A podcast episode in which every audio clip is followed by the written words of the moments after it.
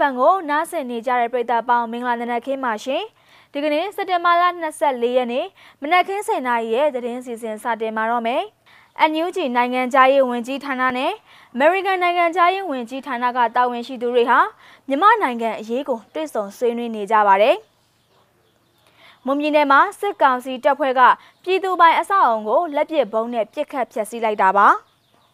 တာဂေတာမှာရက်ကွက်အုပ်ချုပ်ရေးမှူးရုံးရှိမှာဘုံပေါက်ခဲ့တဲ့တဲ့င်းစားတဲ့စိတ်ဝင်စားဖွယ်ကောင်းတဲ့တဲ့င်းတွေကိုတင်ဆက်ပေးတော့မှာပါပထမဆုံးတဲ့င်းတစ်ပုဒ်အနေနဲ့အမျိုးသားညီညွတ်ရေးအစိုးရ NUG နိုင်ငံသားရေးဝန်ကြီးဌာနနဲ့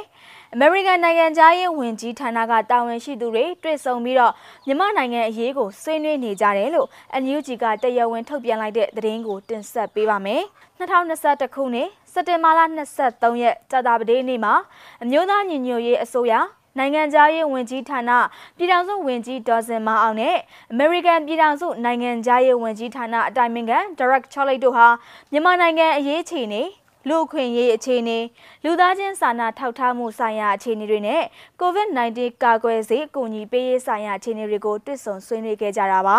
အခုလိုတွေ့ဆုံရမှာ American နိုင်ငံသားရေးဝန်ကြီးဌာနကတာဝန်ရှိသူတွေအပြင်လူခွင့်ရေးဆိုင်ရာဝန်ကြီးဌာနပြည်ထောင်စုဝန်ကြီးဦးအောင်မျိုးမင်းဒုတိယနိုင်ငံသားရေးဝန်ကြီးဦးမိုးစောဦး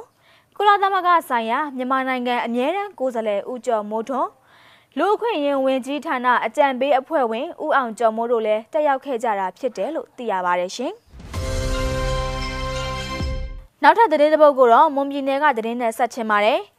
မွန်ပြည်နယ်စိုက်ကုံမြို့အထက်ပိုင်းမှာရှိတဲ့ထုံးဘိုကြီးထုံးဘိုလေးရွာလန်းဝမှာမနေ့ကမနက်ပိုင်းမှာ KNU တပ်မဟာတစ်လက်အောက်ခံအဖွဲ့နဲ့အကြမ်းဖက်စစ်ကောင်စီတပ်ဖွဲ့တွေပြစ်ခတ်မှုတွေဖြစ်ပွားခဲ့ပြီးတဲ့နောက်မှာတော့စစ်ကောင်စီတပ်ဖွဲ့ဝင်တွေကပြည်သူပိုင်အဆောက်အုံကိုလက်ပစ်ဗုံးနဲ့ပြစ်ခတ်ဖျက်ဆီးခဲ့တယ်လို့ဒေသခံပြည်သူတွေရဲ့ပြောဆိုချက်အရသိရပါဗျ။မနေ့ကမနက်ပိုင်းက KNU တပ်မဟာတစ်လက်အောက်ခံအဖွဲ့နဲ့စစ်ကောင်စီတပ်ဖွဲ့ဝင်တွေတိုက်ပွဲနယ်ပုံစံမျိုးပြစ်ခတ်မှုဖြစ်ပွားခဲ့တဲ့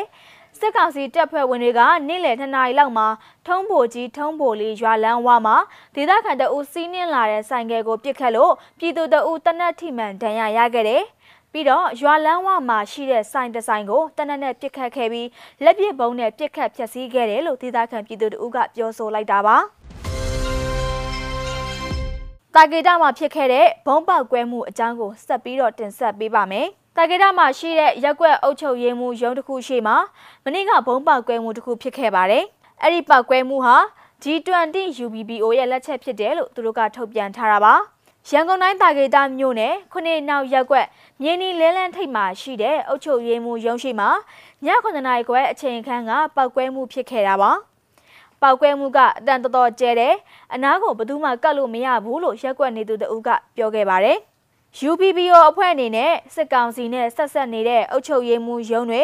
သူတို့ရဲ့စီးပွားရေးလုပ်ငန်းတွေစစ်ကောင်စီရဲ့လက်ပါစီတွေကိုတိုက်ခိုက်သွားမယ်လို့ကြေညာထားခဲ့တာပဲဖြစ်ပါတယ်ရှင်။ဆက်လက်ပြီးတော့နိုင်ငံတကာသတင်းသပုတ်အနေနဲ့ဟိုမန်နိုင်ငံသားလှိုင်ကူလေလာရေးအဖွဲ့ဟာ ရီမင်နိုင်ငံရဲ့နမဲကျော်ဘာခုလို့ခေါ်တဲ့ငရဲတွင်းလှိုင်ကူကျမ်းပြင်ထိဆင့်သက်ခဲ့တဲ့ဗီဒီယိုဖိုင်ကိုလည်းတူတူကြည့်ရအောင်ပါရှင်။အိုမန်နိုင်ငံသားလှိုက်ကူလေလာရေးအဖွဲ့တစ်ဖွဲ့ဟာယီမင်နိုင်ငံရဲ့နာမည်ကျော်ဘာခုအမီရ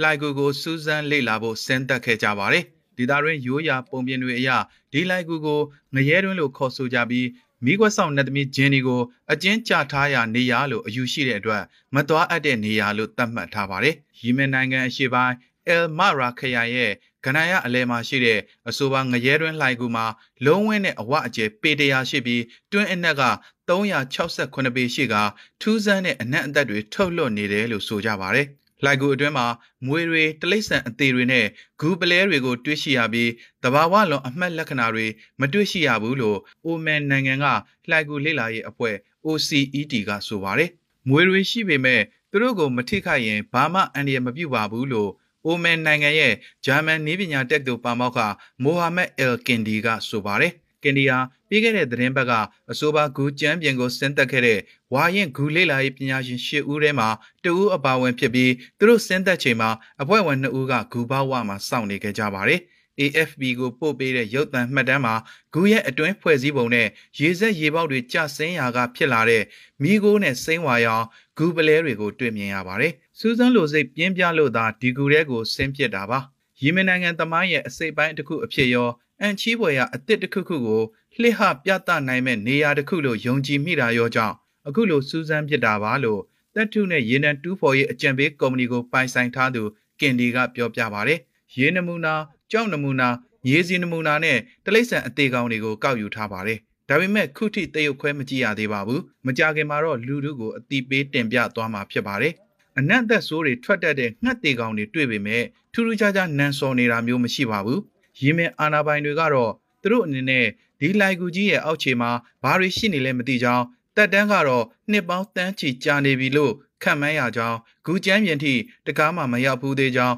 AFP ကိုပြောပါတယ် ကျွန်တော်တို့ဒီဒေတာကိုလာပြီးတွင်းထဲကိုဆင်းပူးပါတယ်မီတာ90 60အနက်လောက်ထိပေါ့အထဲမှာထူးဆန်းတဲ့အရာတွေကိုသတိထားခဲ့မိတယ်ထူးဆန်းတဲ့အနံ့တွေရနေတယ်တိတ်ကိုစမ်းကြဲတဲ့အခြေအနေတစ်ခုပဲလို့မရာခရိုင်ဘူမိလေးလာရေးနဲ့တွင်းတွက်တယံဇာတအာနာပိုင်အဖွဲ့ရဲ့ညွှန်ချုပ်ဖြစ်သူဆလာဘာဘာကဆိုပါတယ်ရာစုနှစ်နဲ့ချီပြီးဒီလိုက်ကူကြီးမှာမိခွဲဆောင်နတ်သမီးဂျင်နီလိုဒန်နိုင်လာဇက်ကောင်တွေနေထိုင်ကြောင်း ပုံဝတ္ထုတွေများစွာလက်ဆင့်ကမ်းခဲ့ကြတာကြောင့်လူအချို့ကငရဲတွင်းကြီးအဖြစ်မှတ်ယူခဲ့ကြပါတယ်ဒီမှာနေထိုင်ကြတဲ့ဒေသခံတွေဟာမကောင်းတဲ့ကြမာဇိုးတွေကြားရောက်မှဆိုးတဲ့အတွက်ဒီကူနာကိုသွားဖို့မဆိုထားပြီးဒီကူအကြောင်းကိုစကားအဖြစ်တောင်မပြောကျင်ကြဘူးလို့ဆိုပါတယ်